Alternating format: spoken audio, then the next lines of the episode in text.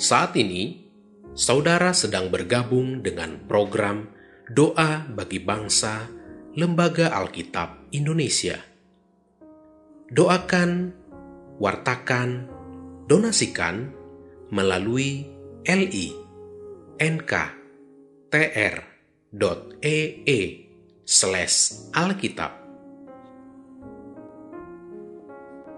Bapak, Ibu, dan anak yang terkasih di dalam Tuhan sebelum kita berdoa, terlebih dahulu kita dengarkan satu ayat firman Tuhan dari Mazmur 103 ayat 2. Pujilah Tuhan hai jiwaku dan janganlah lupakan segala kebaikan.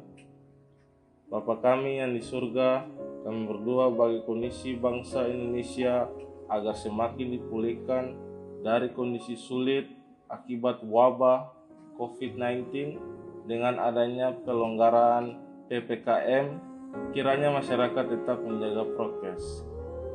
Kami juga berdoa bagi pemuda Kristen supaya tidak kehilangan harapan akan masa depan terus berkreativitas dan berani menjadi agen-agen keadilan, perdamaian, dan pembaruan bangsa dengan menjaga kesatuan dan persatuan bangsa.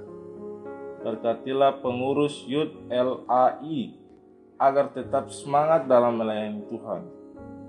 Kami juga berdoa kiranya bulan keluarga ini semakin banyak anak-anak muda yang dekat dengan keluarga dan menjadi teladan untuk membaca merenungkan firman Tuhan.